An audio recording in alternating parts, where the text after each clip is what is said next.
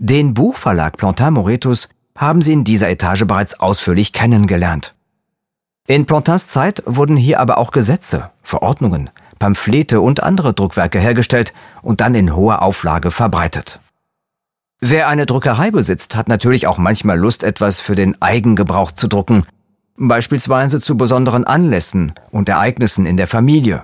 Ein Gedicht zu Ehren eines Bruders, der gerade sein Studium beendet hat, ein Jubiläum in einem Kloster oder als Drucker einen Ehevertrag, ein Testament, ein Hochzeitsgedicht.